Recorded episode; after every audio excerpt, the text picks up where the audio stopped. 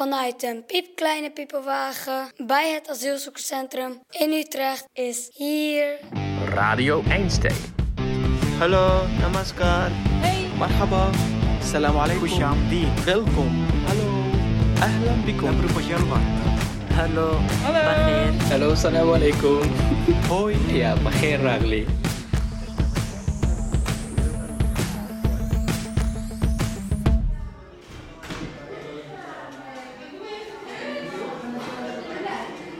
Ik ben even buiten het centrum van Utrecht, aan de Beeldse Straatweg om precies te zijn. En om nog preciezer te zijn, ik ben in de lobby van het Star Lodge Hotel. Welkom bij Star Lodge Hotel in Utrecht. Uh, we zijn hier op uitnodiging van het hotel. Hotelkamercheck.nl maakte onlangs nog een videorecensie van dit hotel. Welkom in onze Garden View kamer. We gaan beginnen hier bij de ingang. Het zijn beelden van een knusse lobby. Comfortabele bankjes, veel planten, een brandend haardvuur. Heel sfeervol allemaal. Maar op dit moment sta ik in diezelfde lobby en ziet het er heel anders uit. Ik zie plastic stoelen, nauwelijks planten, geen haardvuur. Het is allemaal een stuk minder hotelachtig dan in die video. En daar is een reden voor. Want het Star Lodge Hotel is voorlopig geen hotel. Het is een tijdelijke noodopvang voor asielzoekers geworden. Een ingrijpende en ook wel controversiële transformatie, die om allerlei redenen wel wat voeten in de aarde had. In deze driedelige serie vertelt Radio Einstein het verhaal van hoe het groenste hotel van Utrecht, althans dat beweren ze zelf, in no time werd gebombardeerd tot een tijdelijk asielzoekerscentrum. En hoe het er daar nu aan toe gaat. Dit is deel 1. De nood is hoog. De UNHCR schat dat er 100.000 Oekraïners op de vlucht zijn geslagen. Dat kunnen er volgens de vluchtelingenorganisatie van de VN meer dan 4 miljoen worden als deze oorlog verder escaleert. Op 24 februari begon de Russische aanval op Oekraïne. En na één dag waren er al zo'n 100.000 mensen op de vlucht. Inmiddels gaan we akelig snel richting de 2 miljoen. En lijkt de voorspelling van 4 miljoen gevluchte Oekraïners helaas steeds realistischer. De Verenigde Naties waarschuwen voor de snelst groeiende vluchtelingencrisis sinds de Tweede Wereldoorlog, waarbij zich een prangende vraag opdringt. Is Europa daar klaar voor? Ik denk dat Europa geen keus heeft. Laurien Krump is hoofddocent geschiedenis van de internationale betrekkingen aan de Universiteit Utrecht. En zij schetste direct na het begin van de oorlog een beeld van de te verwachten vluchtelingenstroom. Voor Europa, maar ook voor ons land.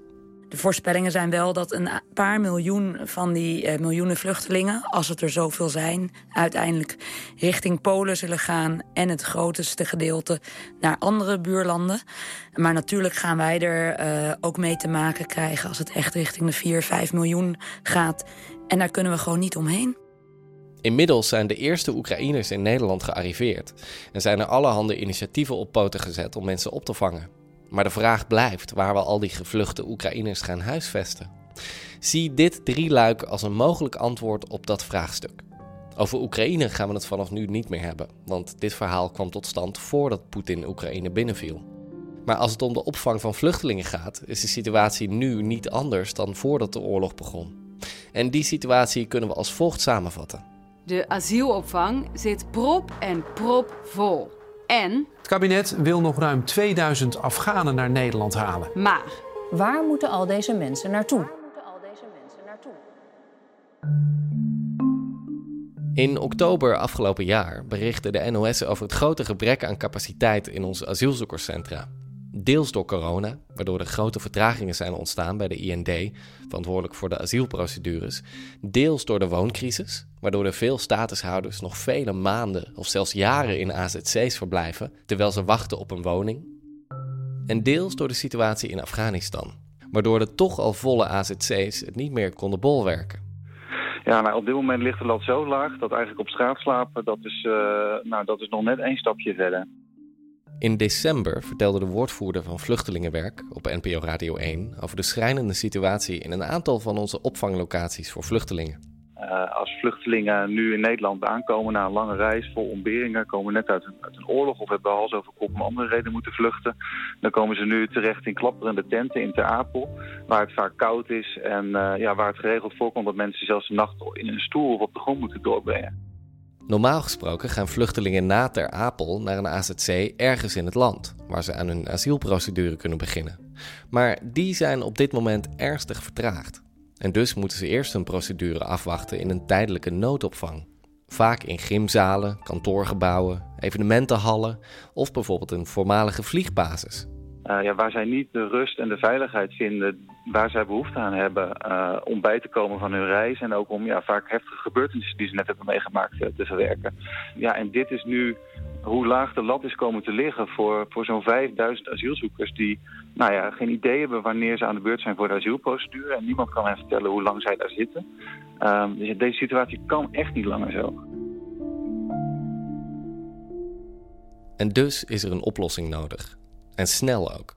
Zo ook in Utrecht, waar het COA, verantwoordelijk voor de opvang van asielzoekers, in allerijl ging zoeken naar onderdak voor honderden nieuwe vluchtelingen. Eerst dachten ze aan de Holland Casino, dat onlangs verhuisde naar een andere locatie en dus ineens een leeg gebouw beschikbaar kon stellen. Toen wij daar binnenkwamen, toen zagen wij inderdaad het hele pand nog in gebruik. Dus veel lampjes, veel uh, kleuren, veel glitters uh, en heel veel machines. Dit is Henk, mede verantwoordelijk voor de opvang en begeleiding bij het COA. Hij kan zich die eerste inspectie in het casino nog goed herinneren. Een inspectie met maar één doel: zo snel mogelijk bepalen of dit casino kan dienen als een fatsoenlijke opvanglocatie. Daar probeer je doorheen te kijken. Dan zie je eigenlijk dat het een hele grote open hal is. Uh, nou daar was dan ook het plan geweest dat er in die grote hal uh, door middel van bandjes, een soort cubicles, zoals het ook al wordt genoemd, uh, woonruimte, verschillende kamers te creëren. En dus van die grote hal alsnog verschillende kamers te maken. Maar dan heb je het natuurlijk wel over andere ruimtes dan zoals we deze hier hebben dan snap ik heel goed dat een casino niet een plek is waar je zomaar even intrekt. Nee, dat is het. Eh, je trekt er niet zomaar in. Er moet een hoop gebeuren. Een grote hal of het gebruik maken van cubicles is ook zeker niet wat, wat per se de voorkeur heeft voor het COA. Of waarvan wij zeggen, nou, dit is de ideale manier van opvang. Uh, maar goed, in, in de, de... Nood breekt wet. Nood breekt wet. En op het moment dat het alternatief voor de bewoner een, uh, een stoel in Ter Apel in de wachtruimte is... waar je dus eigenlijk helemaal niet tot rust kan komen... Ja, dan, dan is een bed in een hal ineens een luxe situatie. Het casinoplan sneuvelt omdat de brandveiligheid niet gegarandeerd kan worden. En dus moet de gemeente in samenwerking met het COA opnieuw op zoek naar een locatie. En zo komen ze terecht bij een hotel. Het Star Lodge Hotel. Waarvan de baas maar wat blij is met het aanbod van het COA. Op het moment dat er natuurlijk heel weinig toerisme naar een stad als Utrecht trekt, dan zijn het wel hele zware tijden voor, uh, voor een ondernemer. Maar op deze manier biedt het ook een mogelijkheid. Ik weet wel dat het uh, hier een, een, ondernemer betreft die ook eerder een maatschappelijke impact heeft gemaakt door uh, dak- en thuislozen ook op te vangen in het hotel. Um, en wat dat er gaat, dus ook niet uh, direct afschrikt van, van opvang voor maatschappelijk belang. Ja, want daar moet je inderdaad ook maar op zitten te wachten. Ja, ik kan me voorstellen, hè, dat, als we wel eventjes denken aan de uitdrukking onbekend maakt onbemind, dat dat gaat zeker op voor deze doelgroep. Nu spreekt een hotel als tijdelijke woning natuurlijk best wel tot de verbeelding. Maar vergis je niet, alle luxe is er zoveel mogelijk uitgestript. De comfortabele hotelbedden hebben plaatsgemaakt voor stapelbedjes. De muren zijn kaal en de ramen zijn afgeplakt. En zo werd het Star Lodge Hotel de Star Lodge Noodopvang, met een totale capaciteit van 350 opvangplekken. Op dit moment bieden ze onderdak aan zo'n 300 asielzoekers die voornamelijk als gezin zijn gekomen. Want dit is een kindvriendelijke noodopvang. En dat is te horen ook. En uh, stil is het niet. Nou ja, als je hier uh, twee maanden uh, geleden hier was, dan is dit wel stil. Hallo. dit is Ayoub. Hij is een van de nieuwste aanwinsten van het COA. Hij begeleidt de bewoners van de opvang en zorgt ervoor dat mensen zich zoveel mogelijk op hun gemak voelen. Ayoub geeft me een rondleiding door het hotel. We beginnen in de lobby. Wat zien we hier? We zien hier uh, een paar tafels en stoelen. Uh, bewoners die hier uh, aan chillen, die hier rustig zitten. Een rustige woonkamer.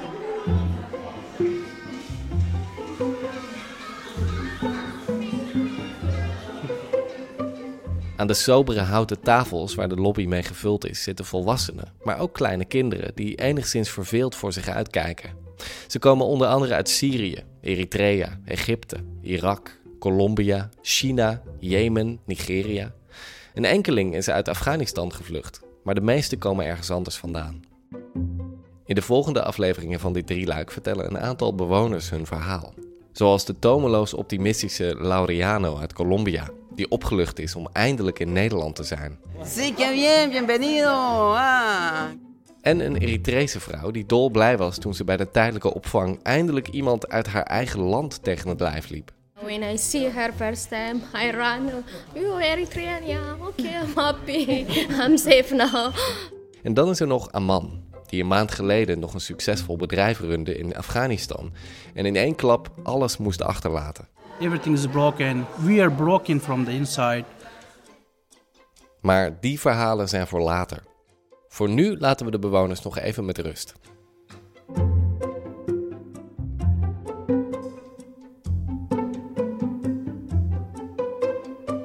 Dit is de open haard van de lounge van het hotel. Hier stonden prachtige banken omheen. En hier zaten de hotelgasten. Konden ze bij een haardvuurtje zitten. Verderop in de lobby tref ik Angela, locatiemanager van de noodopvang. Ze zit achter een laptop te werken, want dit hoekje van de lobby is het kantoor van het COA, legt ze me uit. Omdat we geen uh, kantoorruimte hebben die groot genoeg is voor ons team. Dus we hebben een deel van de lobby omgebouwd tot kantoor. En dat maakt ons ook uh, laagdrempelig bereikbaar. En, uh, Al is dit uit, uit nood geboren? Uit nood geboren, ja. Maar dat past ook wel bij de noodopvang. We moeten het doen met de middelen die we hebben. En zou je zeggen dat het knus is? Nou ja, het was veel knusser, maar ik vind het nu nog steeds best wel knus. Ik vind de ramen mooi, de lichtinval. Het is gewoon wel warm en huiselijk. De bouw is gewoon goed. Als je het vergelijkt met een doorsnee, is er een, zoiets als een doorsnee noodopvang voor vluchtelingen? Nee, er is geen doorsnee noodopvang. Tijd om de hotelkamers te bekijken. De lobby is dan wel ontdaan van alle luxe, maar de kamers zijn en blijven natuurlijk hotelkamers. Ik verwacht een king-size bed, een flatscreen, een ensuite badkamer met lichtbad. Ik ben wel nieuwsgierig. We verlaten de lobby en wandelen naar de laatste nog lege hotelkamer via een lange gang. Een hotelgang, hè? Is ook een hotel. Het is ook een hotel, ja.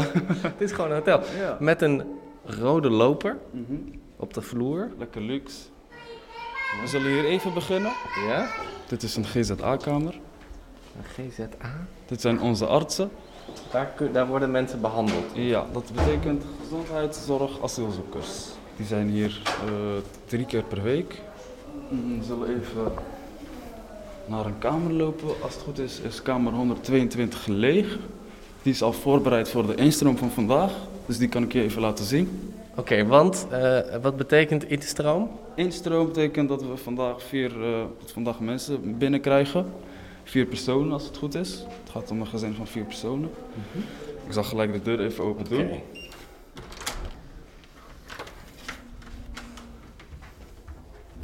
Nou, dit is de kamer zoals je ziet. Twee, twee stapelbedden. Tafel en uh, stoelen. Douche hier. Kleine wc. Handdoeken. Linnen. Tekens. Een blauwe vloerbedekking. Blauwe vloerbedekking, ja. Zoals je kunt zien. Er hangt hier een televisie. Hangt hier een televisie, ja. Alle kamers hebben een televisie. Dit is misschien nog geen 10 vierkante meter, dit. Drie. Ja. Een stuk of negen. Negen leefbare meters. en daar moeten dan vier mensen op slapen. En een klein, dat is een klein bureautje met twee stoelen. Drie stoelen. Drie stoelen. wat, ik wou jou net vragen, wat, wat vind jij hiervan? Het is, het is best wel klein. Ja, het is best wel klein, ja, dat klopt, inderdaad.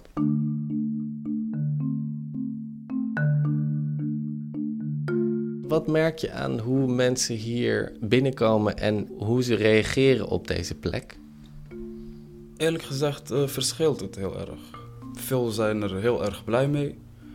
Veel die uh, Die vinden het helemaal niks. Wat vinden ze lastig, die ruimte? Ja, lastig gewoon. Dit, is, dit is natuurlijk heel anders dan wat zij gewend zijn. En misschien uh, horen zij ook veel verhaaltjes op internet of misschien familieleden die hier eerder zijn gekomen.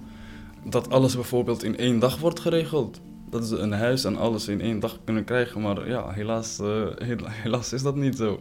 Ook voor Nederlanders is het, zo, is het niet zo. Dus, uh, en dat probeer, proberen wij hun ook op een, op een uh, goede manier uit te leggen. Wat, hoe ga je daarmee om? Eerst begrip laten zien natuurlijk. Ja, ze komen uit een andere plek, andere omgeving. Maar dan ook een beetje de realiteit en de waarheid laten zien. Dat, dat, dat het zo niet gaat helaas. En dat het zo en zo en zo hier in Nederland gaat. En, en hoe zie je jouw rol dan binnen dit geheel? Als iemand die, uh, die de bewoners probeert te helpen en die de bewoners probeert te laten zien hoe zij zichzelf kunnen helpen en hoe zij zichzelf hier een leven kunnen beginnen. Hoe ze onafhankelijk kunnen zijn, zeg maar. Ik ontmoet een paar collega's van Ayoub. Net als hij werken ze pas heel kort bij het COA, dat door alle capaciteitsproblemen veel nieuwe mensen heeft aan moeten nemen. Ze stellen zich voor als Marta en Hajer, twee twintigers die over het terrein wandelen met een portofoon met een grote oranje noodknop. We hopen dat we die niet hoeven te gebruiken. Die is nog nooit gebruikt? Nee, nee, nee. Zover ik weet niet. Ja, het is geen gevangenis. Uh, ze mogen natuurlijk ook uh, gaan wanneer ze willen. Als ze maar uh, elke week op dinsdag ook gewoon terugkomen voor hun meldplicht. En ja, hier ook. We hebben nu bijvoorbeeld een recreatiezaal geopend. En dat wordt wel op meerdere locaties geopend, zodat de kinderen het ook leuk hebben. We proberen activiteiten te houden, ja, zodat ze wel iets te doen hebben. In vergelijking met de meeste noodopvangen zijn hier relatief veel gezinnen. Met kinderen die zich tot voor kort maar een beetje moesten vermaken. Maar sinds kort is er een bus die de meeste kinderen elke ochtend ophaalt en ze naar school brengt. Om ze smiddags weer netjes terug te brengen. Je ziet ook dat de kinderen hier, toen ze hoorden dat ze naar school uh, mochten gaan, dat ze echt heel blij waren. En dat was ook echt heel mooi om te zien. Ze waren aan het springen, aan het lachen, aan het gillen. Dat was echt heel... hoe, ging, hoe ging dat? Uh, nou ja, wij gingen natuurlijk langs alle kamers uh, rond om te vertellen dat ze dus uh, gingen beginnen. En je, je, hoorde de kinderen al gelijk van, oh we gaan naar school en wanneer gaan we, wanneer beginnen we. Mooi hè, dat je zo blij wordt van school. Ja, ja ik zelf word er niet zo blij van, maar het is wel leuk om... Blij dat je er vanaf bent. ja.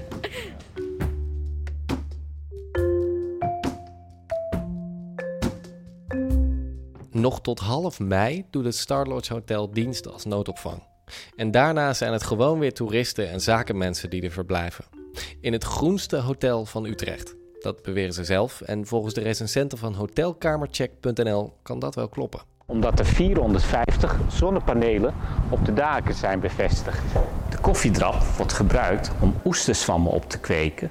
En van die oesterswammen maken ze weer kroketten en die verkopen ze hier. En omdat ze gerecycled wc-papier van de Goodroll gebruiken. Maar tot half mei is het hier sober leven. En dat is heel bewust, benadrukt Henk nog maar eens. Ik pas er zelf mee op dat ik het ook niet als een uh, hotel benoem. Uh, omdat ik ook niet wil dat mensen die hier nu op worden gevangen uh, dit zien als een hotel. En dat is niet omdat ik mensen het niet gun om, om, om opgevangen te worden en verzorgd te worden. Maar voor ons staat natuurlijk ook zelfredzaamheid hoog, uh, hoog in het vaandel. En, Ze moeten niet gepamperd worden. Nee, absoluut niet. En het zou natuurlijk ook heel naar zijn op het moment dat we dat hier wel in de hand werken. En mensen zo meteen worden opgevangen in, in een pand wat daarin niet geschikt is. Of wat, waar, waar men het dan toch zelf moet gaan uitzoeken.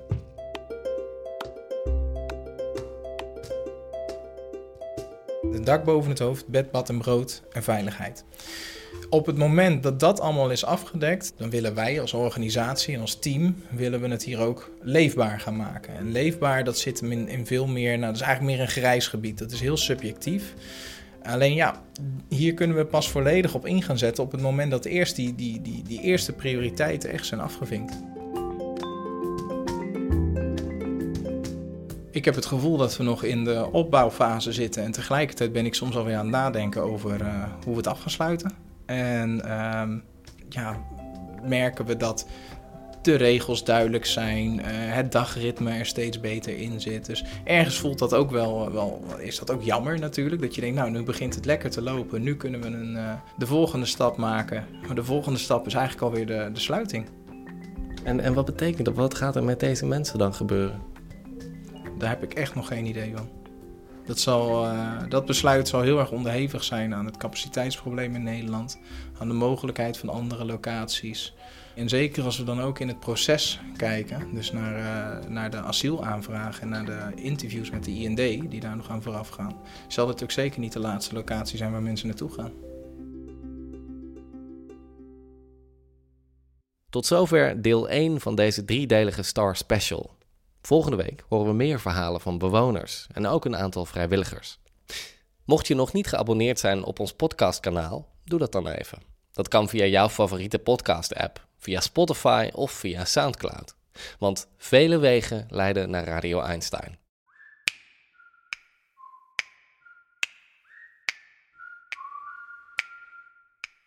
Radio Einstein is een initiatief van Stuttheater en wordt mede mogelijk gemaakt door de gemeente Utrecht en Plan Einstein. Radio Einstein wordt gemaakt door mij, Micha Kolen, Rian Evers, Bas Kleeman, Hanneke Kuik, Manon Suringa en Lilian Vis-Dieperink. Met veel dank aan Henk, Angela, Ayoub, Marta en Hasher van het COA. Voor meer informatie over deze podcast en voor andere afleveringen, zoals de serie Het Cadeau, ga naar radioeinstein.nl. Dit was het. Dank voor het luisteren.